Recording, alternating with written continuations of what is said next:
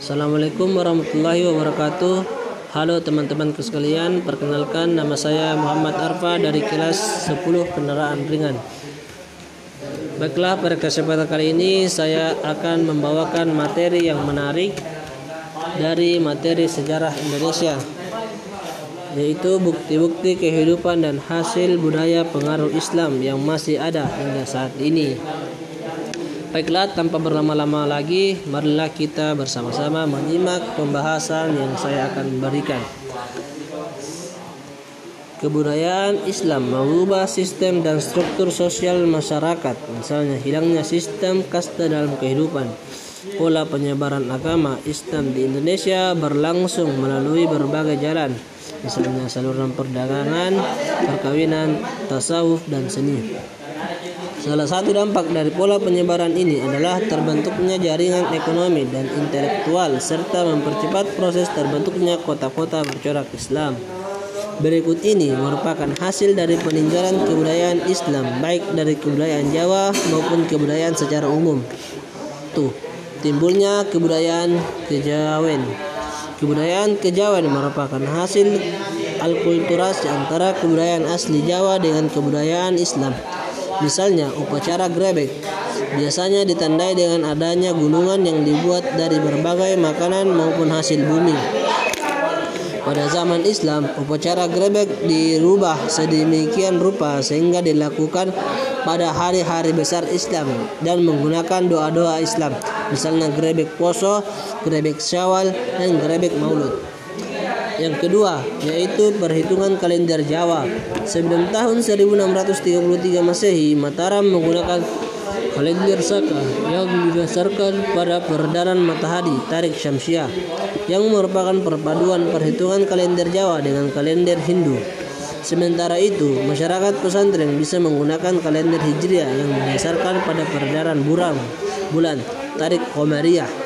Sultan Agung memadukan masyarakat kejawen yang masih menggunakan kalender Saka dengan tradisi pesantren yang menggunakan kalender Hijriah.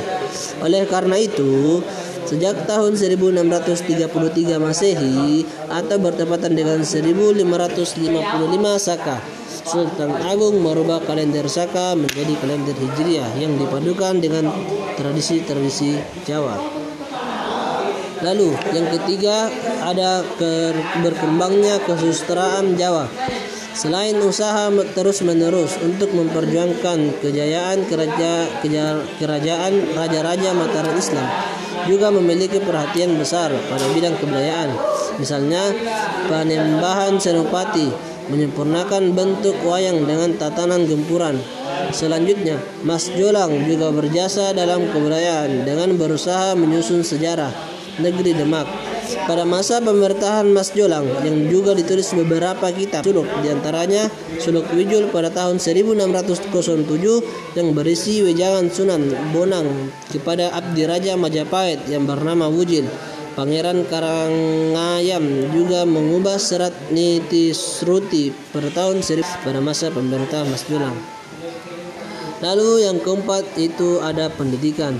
Masuknya agama Islam membawa perubahan pada kehidupan pendidikan, yaitu berkembangnya persen, pesantren atau pondok yang diselenggarakan oleh guru-guru agama, kiai-kiai atau ulama-ulama dengan tujuan awalnya untuk penyebaran agama Islam.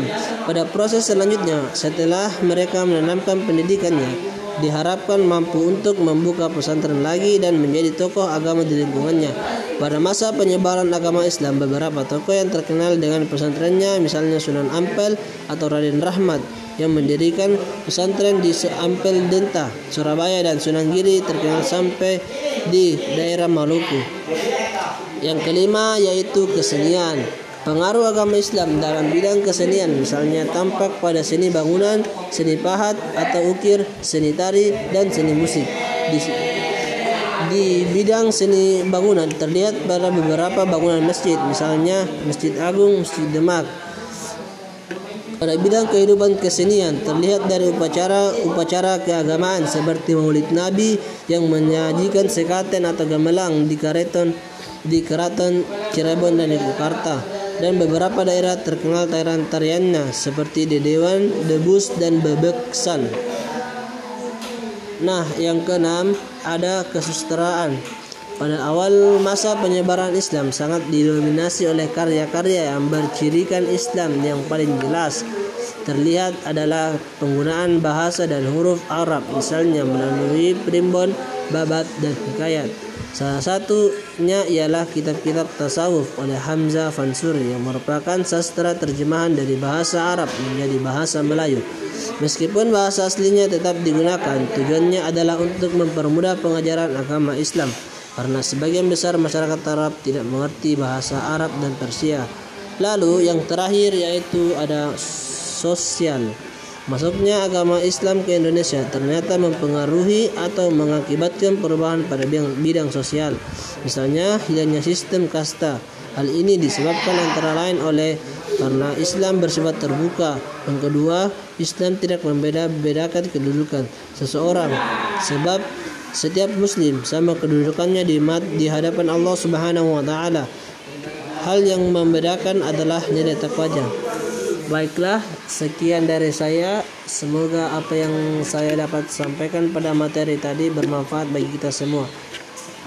See you next time. Assalamualaikum warahmatullahi wabarakatuh.